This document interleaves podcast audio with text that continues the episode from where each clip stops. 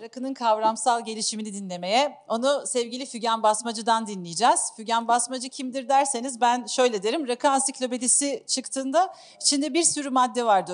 özellikle rakının teknik kısmı ile ilgili. Hep altında Fügen Basmacı'nın imzası var. Ama ben bir türlü tanışamadım kendisiyle. Ta ki geçen sene sevgili Vefa Bey'i kaybettiğimizde cenazeye kadar. E, kimdir derseniz rakının kanunu yazan kişidir diyeyim ben size. O kadar kısacık tanımlayayım. E, geri kalan sözü size bırakıyorum Figen Hanımcığım uzatmadan. Buyurun lütfen. Merhabalar. Ee, tabii öncelikle sizin aklınızdaki şeyi ben söyleyeyim. Eminim siz de aynı şeyi düşünüyorsunuz. Bu kadar e, yetkin sohbet erbabının, bu kadar değerli kültür insanının içinde benim gibi 30 yıl bürokratlık yapmış bir mühendisin işi ne diyorsunuz. Ben vallahi aynı soruyu sordum. Kendisi bana ama Figen Hanım size bildiğiniz yerden sorduk dedi. Umarım siz de öyle düşünürsünüz sohbetin sonunda. E, ben gerçekten hiç bu tür e, şeylere alışık bir insan değilim ama umarım altından kalkabilirim. E, efendim ben e, şanslı bir kimya mühendisiyim.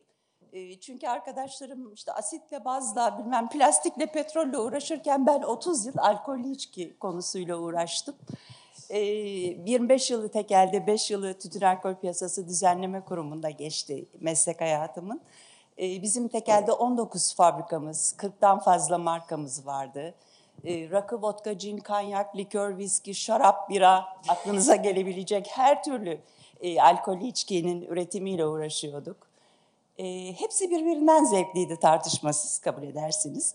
Ama e, ben meslek hayatımın ilk yıllarında e, rakının e, Türkiye için diğerlerinden biraz daha farklı bir yerde olduğunu, ayrı bir öneme e, sahip olduğunu gerçekten algılamaya başlamıştım. E, şimdi de böyle geriye dönüp bakınca ne yaptım ben tekelde diye.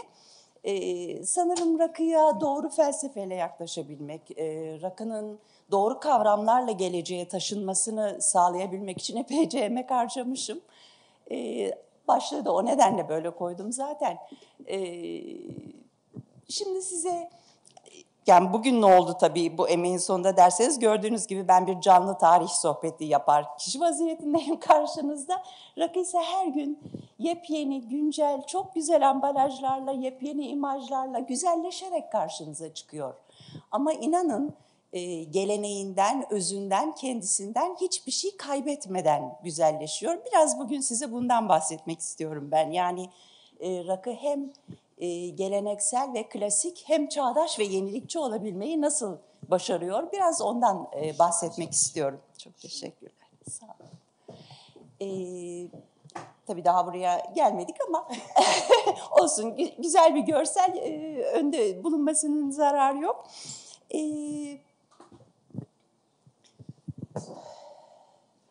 rakı dedim Evet. Şimdi böyle tökezlediğim zaman dönüp bakacağım. Heh, e, şimdi Raka'nın birazcık geriye dönüp tarihinden e, bahsetmek istiyorum size. E, 1926 yılında alkollü içkilerin devlet monopolüne alınması ile ilgili yasa yayınlanıyor Türkiye'de ve sonra e, çok yumuşak bir monopole geçiş süreci başlıyor. E, devlet hem kendisi yeni fabrika yatırımları yapıyor Türkiye'de hem de e, insanların elindeki içki fabrikalarını yavaş yavaş satın alarak devletleştiriyor. Ve böyle yumuşak çok güzel bir monopol ve geçiş sürecinden sonra 1942 yılında İspirto ve İspirtolu içkiler inhisarı kanunu adı altında hepimizin bildiği tekeli, e, tekelin oluşumunu sağlayan kanun e, çıkıyor ve e, gerçek anlamda tam devlet monopolü başlıyor. 2004 yılında ilk özel rakı üreticisi Türkiye'de e, piyasaya girinceye kadar da gerçekten e, Türkiye'de rakının sorumluluğunu e, sadece tekel kuruyor. Ben böyle nostaljik birkaç görüntü çıkarmak istedim. Birisi e, reji döneminin e, bir e, görseli.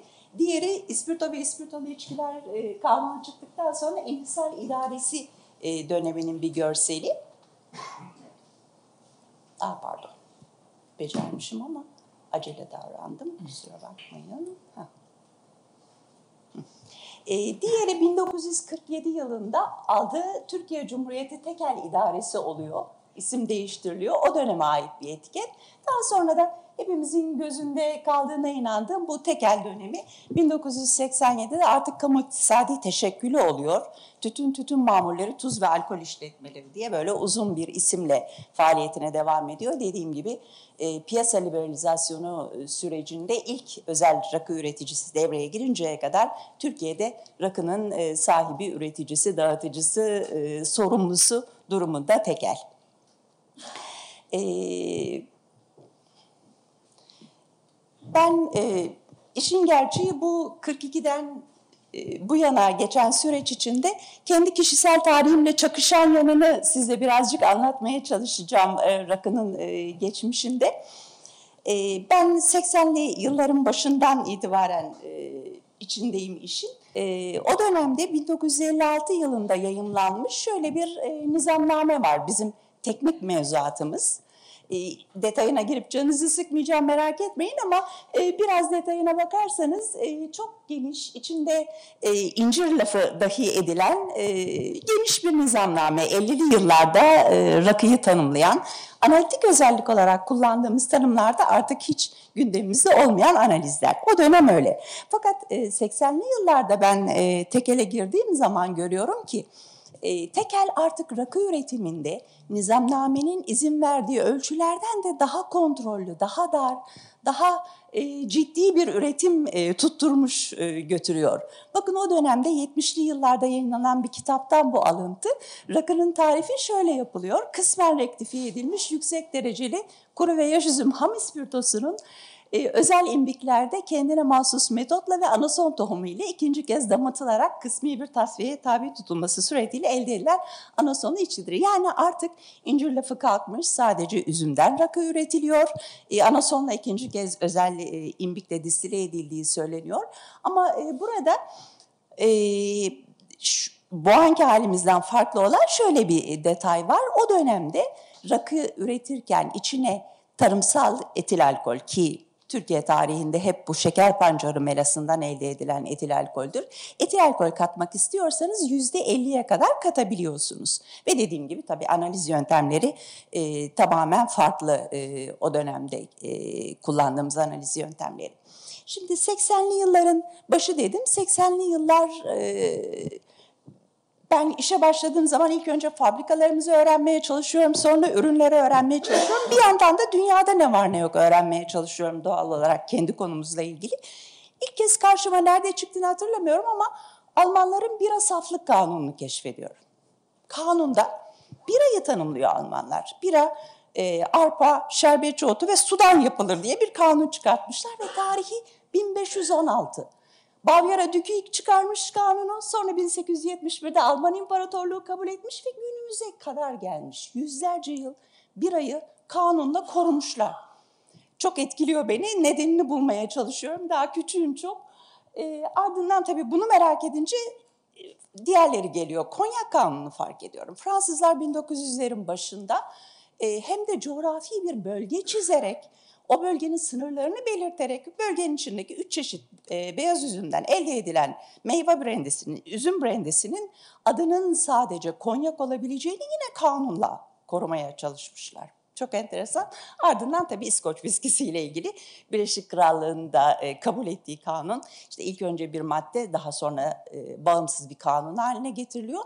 Oradan çok ilginç bir şey yakalıyorum. Alkollü içkilerle alkollü içkilerin ki bu içkilerin o ülkeler için önemi halen geçerli, yüzlerce yıldır kullanılan kanunların kapsamında olabiliyor. Hemen kendime bir çıkarım yapmaya çalışıyorum.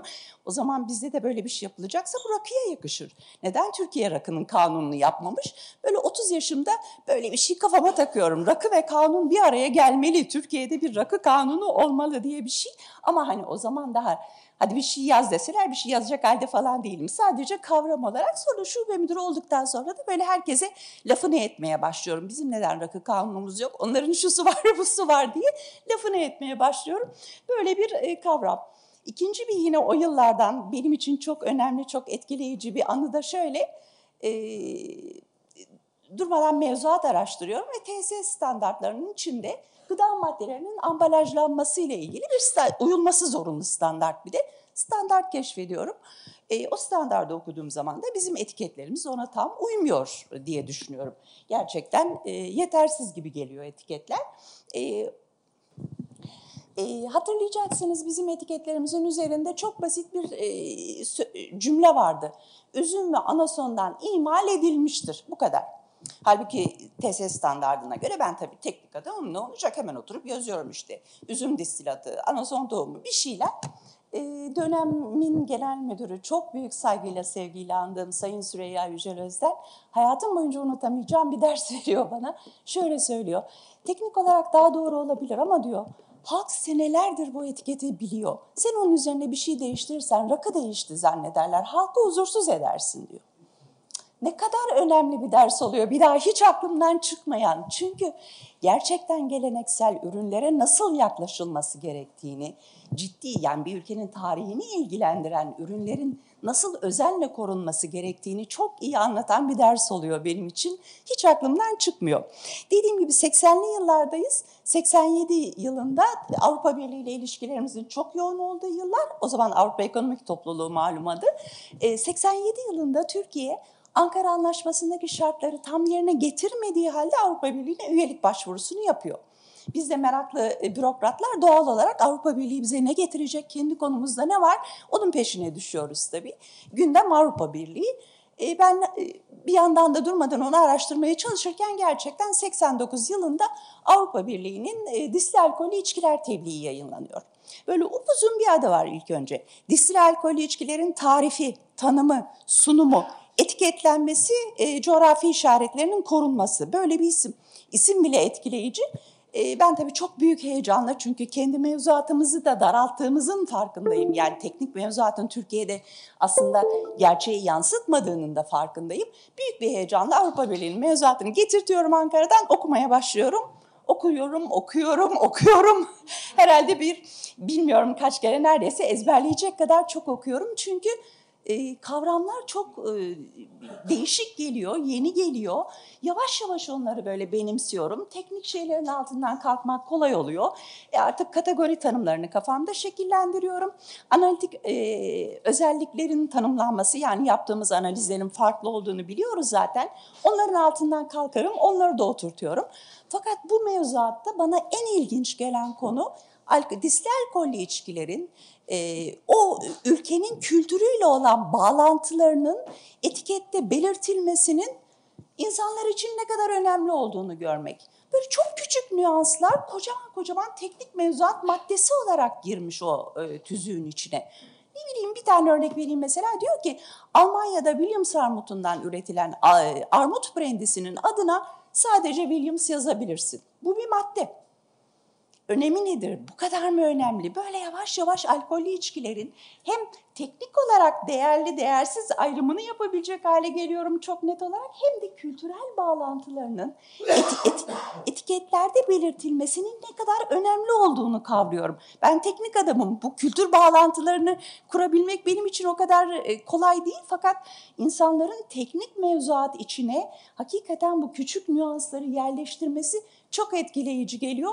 Bir kere daha tabii bütün bunları okuyup derhal kendi ürünümüze dönüyorum. E, o dönemde benim için Türkiye için çok önemli gördüğüm birincisi rakı tabii bir de geleneksel likörlerimiz var. Onlar da çok önemli. Onları nereye koyarım? Bu mevzuatta nereye girer bizim ürünümüz? Onu keşfediyorum. Tabii rakı ile ilgili yaptığım keşif beni çok mutlu ediyor. Çünkü gerçekten Avrupa Birliği'nin o teknik dili içinde rakının üretim prosesi olabilecek en değerli proses. Yüzde yüz bunu gönülden söylüyorum. Olabilecek en değerli proses. Çünkü çok değerli bir ham madde kullanıyoruz, rakıyı üzümden yapıyoruz.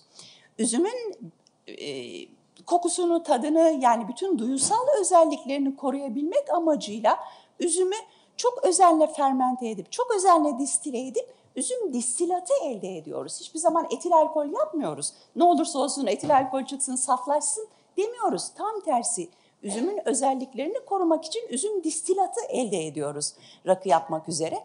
Daha sonra da olabilecek en zor yöntemle rakıyı aromalandırıyoruz. Çünkü aromalandırmanın üç çeşidi var yani. Birisi direkt aroma maddesini alkole katmak. Böyle yapılan içkiler de var tabii ki. İkincisi bir aroma konsantresi elde etmek. Yani bitkisel drotları etil alkolün içinde bir konsantre elde edecek şekilde yine distile edebilirsiniz. Sonra o konsantreyi içkiye dağıtarak kullanırsınız. Bu da bir yöntem, daha e, değerli bir yöntem. Ama en değerlisi bizimki aynı distilecin gibi. Biz rakının tamamını imbikten çekerek distile ediyoruz olabilecek en zor, en değerli yöntemlerle rakımızı üretiyoruz. Ben mutluluktan ölüyorum. Avrupa Birliği mevzuatına artık e, hani onların diliyle rakıyı nasıl e, ifade edeceğimi çözmüş durumdayım. Bir sonrakine geçebilirsek. Çok tabii bu kadar düşünüp düşünüp sonra şu kadarcık bir şey yazıyorsunuz. Geldi mi? tamam. Ee, böyle uzun uzun düşünüp çıkardığınız şey şu kadarcık basit bir şey oluyor ama e, hayalim tabii Avrupa Birliği'nin o mevzuatın içine rakıya bir ana başlık attırmak, rakı başlığı koymak. Hayalim bu.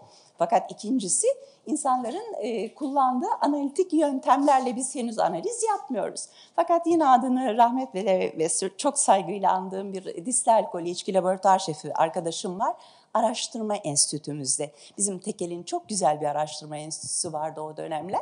Hüseyin Maden arkadaşım gaz kromatografi cihazını devreye sokmak üzere ve analiz yöntemlerimizi tümüyle değiştireceğiz Tekel'de. Zaten başlattığımız bir çalışma.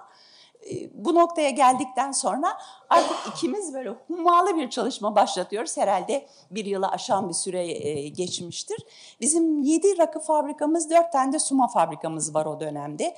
O 11 fabrikadan ben araştırma enstitüsüne örnek gönderiyorum sürekli. Arkadaşım onları analiz ediyor, tablolara döküyor. Sonra e, işte istatistiksel değerlendirmeler yapıyoruz. Dönüp fabrikalarda bir takım ayarlamalar yapıp standardı yakalamaya çalışıyoruz. Tekrar örnekleme yapıyoruz. Böyle hummalı bir çalışma. Ondan sonra tekrar şimdi bir daha basabilirseniz yine çok basit bir tablo. Happy Top'u bundan sonra şu basit tabloyu elde etmek için de böyle bir iki sene civarında örnek gönder, analiz yap, uğraşıp duruyoruz. Ama artık rakımızı gerçekten Avrupa Birliği'nde kullanılan analiz yöntemleriyle analitik olarak da doğru ifade edebilecek hale geliyoruz. Tabii bunun üzerine ben büyük idealimin peşindeyim. Derhal bunları toparlıyorum. Şöyle bir kitap hazırlıyorum. Kitap demeyeyim de şöyle bir dosya hazırlıyorum. İçine işte rakının tarihi, bilmem ansiklopedilerdeki rakı tanımları bir şeyler doğru Brüksel'e. Gidiyorum oradaki insanlara. Ee, bizim daimi temsilciliğimiz var Brüksel'de. Onlar vasıtasıyla Avrupa Birliği'nin bu mevzuatı hazırlayan, teknik mevzuatı hazırlayan hukukçularına ulaşıyorum. Onlara heyecanla rakıyı anlatıyorum. Mutlaka ayrı bir başlık altında e, bu rakı, rakının bu mevzuata girmesi lazım diye onu ispatlamaya çalışıyorum. Beni e, sükunetle dinleyip şöyle diyorlar. Ama siz daha Avrupa Birliği'ne kabul edilmediniz. Kabul edildiğiniz zaman dediğiniz doğru. Biz bu e, yani rakıyı ayrı bir başlık altında koymayı düşünürüz. Ama şu anda siz e, mevzuat ekindeki coğrafi işaretler listesine Türk rakısı olarak sizde de coğrafi işareti varsa o müracaatı yapabilirsiniz. Çünkü üçüncü ülkelerle ilişkileri, üçüncü ülkelerle korunacak e, kültürel değer şu an coğrafi, coğrafi işaretler listesinde yer alıyor. Derhal Türkiye'ye dönüyorum. Coğrafi işaret nedir? Ben rakıya nasıl coğrafi işaret alırım diye bu defa onun çalışmasına başlıyorum. E, 94 yılında Patent Enstitümüz kurulmuş. Patent Enstitüsü ile ilgisi olabileceğini buluyorum fakat henüz coğrafi işaretle ilgili bir teknik mevzuat yok Türkiye'de. E, Patent Enstitüsü'nün kurucu başkanı Sayın Uğur Yalçıner Bey'e e, ulaşıyorum. Onunla uzun uzun telefonda konuşup rakıyla yürüttüğüm çalışmaları anlatıyorum. Ondan şunu öğreniyorum. Şu an coğrafi işe o an 95 e, yılı coğrafi işaretlerin korunması hakkında kanun hükmünde kararname meclis gündeminde henüz yayınlanmadı. Yayınlanır yayınlanmaz zaten uygulama yönetmeliği de çıkacak. Siz e, bize dosyanızı hazırlayın. Tabii defalarca konuşuyoruz. Ben kanunun çerçevesini şekillendirebiliyorum kafamda e, öğrendiklerimden. Siz bize dosyanızı buna göre hazırlayın. Kanun yayınlanır yayınlanmaz rakının coğrafi işaret tescilini alalım diyor. Ondan sözü alıyorum. Bu defa ikinci dosyayı hazırlıyorum. Onda tabii coğrafi işaretle ilgili başka yani bizim rakıda kullandığımız bütün üzüm çeşitleri, onların Türkiye'de hangi bölgelerde yetiştiği, Pimpine, Lanisum'un hangi bölgelerde yetiştiği pek çok şeyler ilave ederek o dosyayı da hazırlıyorum. Gerçekten 96 yılında uygulama yönetmeliğinin yayınlandığı gün ben dosyayı patent enstitüsüne gönderiyorum. Rakı ilk e, alınan coğrafi işaretlerden Şimdi geçebilirsek coğrafi işaretlerden e, birisi oluyor e, o dönemde. Şimdi 96 yılındayız. E, rakının artık tanımını e, rahatlıkla yapabilecek hale geldik. Ben bu çalışmaları yaptıktan sonra zaten e, Avrupa Birliği'nin yayınladığı disli alkolü içkiler tebliğinin Türk mevzuatına ki 95'te Gümrük Birliği imzalandığı için zaten teknik mevzuatın uyumlaştırılması diye yoğun bir çalışma yürütülüyor Ankara'da e, o mevzuatın Türkiye'de nerede yayınlanacağını epeyce bir düşünüp sonra Tarım Bakanlığı'nın gıda kodeksinin içine girebileceğine karar veriyorum. Tabii ki Avrupa Birliği'nin mevzuatına birinci kategori olarak rakı, rakıyı koyarak artık rakıyı tanımlayacak hale geldik çünkü çok rahatım. E, rakıyı koyuyorum, e, tercümesini yapıp Tarım Bakanlığı'na sunuyorum. 95 yılında Gıda Kodeksi disil alkol içkiler tebliğ olarak e, zaten e, teknik mevzuatımızı Türkiye'de yayınlamış oluyoruz. Ama teknik mevzuat sonuç olarak. E, sonra bir coğrafi işaret tescili de almış oluyoruz. O da çok güzel. Ama dediğim gibi 80'li yıllar Türkiye'nin, 80'li 90'lı yıllar Türkiye'nin o kadar hızlı değiştiği yıllar ki 94 yılında özelleştirme kanunu çıktı. Özelleştirme Yüksek Kurulu, Özelleştirme İdaresi Başkanlığı kuruldu. 90'lı yılların sonuna doğru tekelin özelleştirme kapsamına alındığı artık e, belli oluyor, söyleniyor her yerde her yönden çok büyük bir değişiklik. Yani bir 70 yıldır e, monopolle yönetilen ülkede e, o ülkede alkol piyasasının sahibisiniz tekel olarak ve alkol piyasası liberalize olacak. Her şey sıfırdan yenilenecek. E, hepimiz alıştık e, bir, bir tek üretici var o dağıtıyor e, piyasa riskleri minimize devletin vergi toplamasında hiçbir sorun yok etil alkolün kontrolü bizde her şeyin neredeyse piyasa riski olmadan e, yaşandığı bir 70 yılın ardından e, piyasanın liberalize olması gündemde. E, serbest üretim, serbest ithalat değişik bir piyasaya geçilecek. Tabii bana yepyeni bir araştırma konusu. Dünya bunu nasıl yapıyor diye ben başlıyorum bu defa. Şimdiki gibi de değil de böyle internetten tıklayarak bir şeyler bulamıyorsunuz. 95 yılında ilk web sayfası yapılmış. Yani o yıllardayız. Ee, ne kadar tanıdığım yabancı firma varsa iş hayatından hepsini yazıyorum. Onların ülkesindeki mevzuatları topluyorum. İşte monopolden serbest piyasaya geçen Finlandiya'yı buluyorum, İsviçre'yi buluyorum. Onlar neler yapıyor araştırıyorum. Bir şeyler bir yandan onu araştırıyorum. Bir yandan da tabii en büyük en büyük idealim rakıyla ilgili ne yapılması lazım diye onu bulmaya çalışıyorum. Çünkü teknik mevzuat yayınladık ama Tarım Bakanlığı'nın teknik mevzuatı ertesi gün değişir. Hiçbir şekilde rakıyı korumaya yetmez. E, coğrafi işaret tescili aldık. Orada Tekel Genel Müdürlüğü coğrafi işaret tescili nedeniyle rakının hamisi rolünde yani Türkiye'deki rakı üretiminin koruyucusu rolünde coğrafi işaret tescilini alan birimin böyle bir e, misyonu var. Ama Tek elin özelleşeceği belli oldu. Kısa bir süre sonra kulaklarda hoş bir seda olarak kalacak. E, rakıyı nasıl koruyacağız? Benim tekrar 30'lu yıllardaki rakı kanununa sarılmam gerektiğine karar veriyorum. Bu ülke özelleşmeden önce rakısını kanuna sokmazsa biz rakıyı kaybederiz. Rakının tarihine ihanet etmiş oluruz. E, o defa o dönemde artık biraz daha üst yöneticiyim. Genel müdürümüzün herhalde peşine takılıyorum demek lazım toplantıda sürekli aynı lafı sayıklıyorum. Kanunda yazacak hale geldik artık belli oldu e, teknik konular. Mutlaka rakıyı kanuna almamız lazım. Kanunla korumamız lazım. E, gerçekten e, bu idealime de e, 2001 yılında liberalizasyonun önünü açan kanun değişikliğiyle birlikte kavuşuyorum. E, 4250 sayılı kanunun birinci maddesi liberalizasyonu başlatmak üzere değiştiriliyor. Üçüncü maddesine de rakı konuyor. Yani bugün artık e, rakı gerçekten işte dünyadaki sayılı birkaç içki gibi kanunla korunan içkilerden birisi. E, liberalizasyon sürecini atlattık. E, pek çok özel üreticimiz var ama hepsi rakıyı gerçekten eski haliyle, geleneksel haliyle üretiyor. Çünkü kanunda çok açık olarak rakının Türkiye'de üretileceği, rakının yaş veya kuru üzümden üretileceği, mutlaka pimpinella anisum kullanılacağı, mutlaka e, en fazla 5000 litrelik imbikten e, çekilerek aromalandırılacağı, üzüm distilatının belli bir dereceden daha fazla saflaştırılamayacağı bunların hepsi kanunda yazıyor. Yani rakının üretim prosesi ve ham maddeleri şu an Türkiye'de kanunla korunuyor. Şimdi 2001 yılındayız. Dediğim gibi kanunda liberalizasyonun önünü açan değişiklik yapıldı. Fakat o değişiklik tekele görev verdi. Yani tekel yeni piyasayı düzenlesin anlamında bir kanun değişikliği. Tabii bunun e, olamayacağı çok kısa sürede ortaya çıkıyor. Çünkü tekel piyasadaki tek üretici hem üretici hem piyasa düzenleyicisi olmak serbest piyasanın ilkeleriyle bağdaşmayan bir şey zaten. Hemen 2002 yılında e, devlet e, bir alkol board kurması kurmaya karar veriyor. Tütün Alkol Piyasası Düzenleme Kurumu'nun kuruluş kanunu yayınlanıyor. 2003'te de bana madem o kadar biliyorsun hadi bakalım Ankara'ya diyorlar. Ben İstanbulluyum e, giderken 6 ayda dönerim evime diye Ankara'ya gidiyorum ve 5 yıl 5 yıl Ankara'da bu liberalizasyon sürecini e, yönetiyorum. E, o süreç içinde biz e, 120 sayfa teknik mevzuat hazırlamışım. Ayrılırken saymıştım geriye dönüp.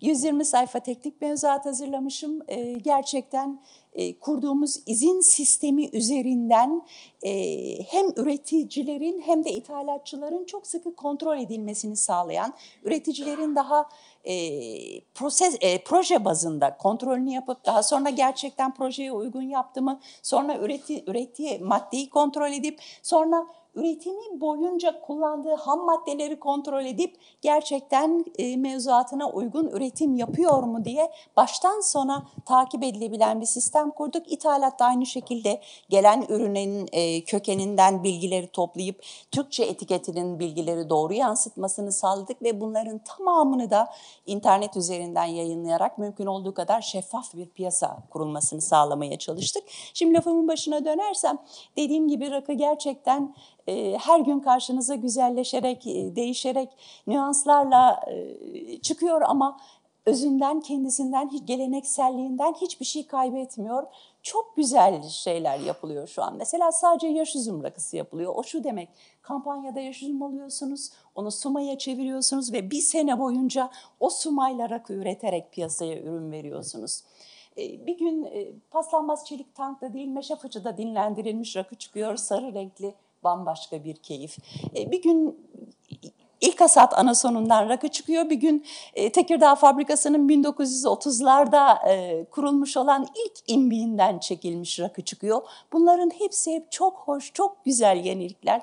Sadece etiket, sadece ambalaj değil aslında kendisinde de çok hoş yenilikler yapılıyor ama hiçbirisi rakının gelenekselliğini, güzelliğini bozmuyor. Rakı gerçekten Türk çiftçisinin ürettiği üzümden ve Türk işçisinin el emeğiyle, göz nuruyla, tadım kabiliyetiyle masalarınıza geliyor.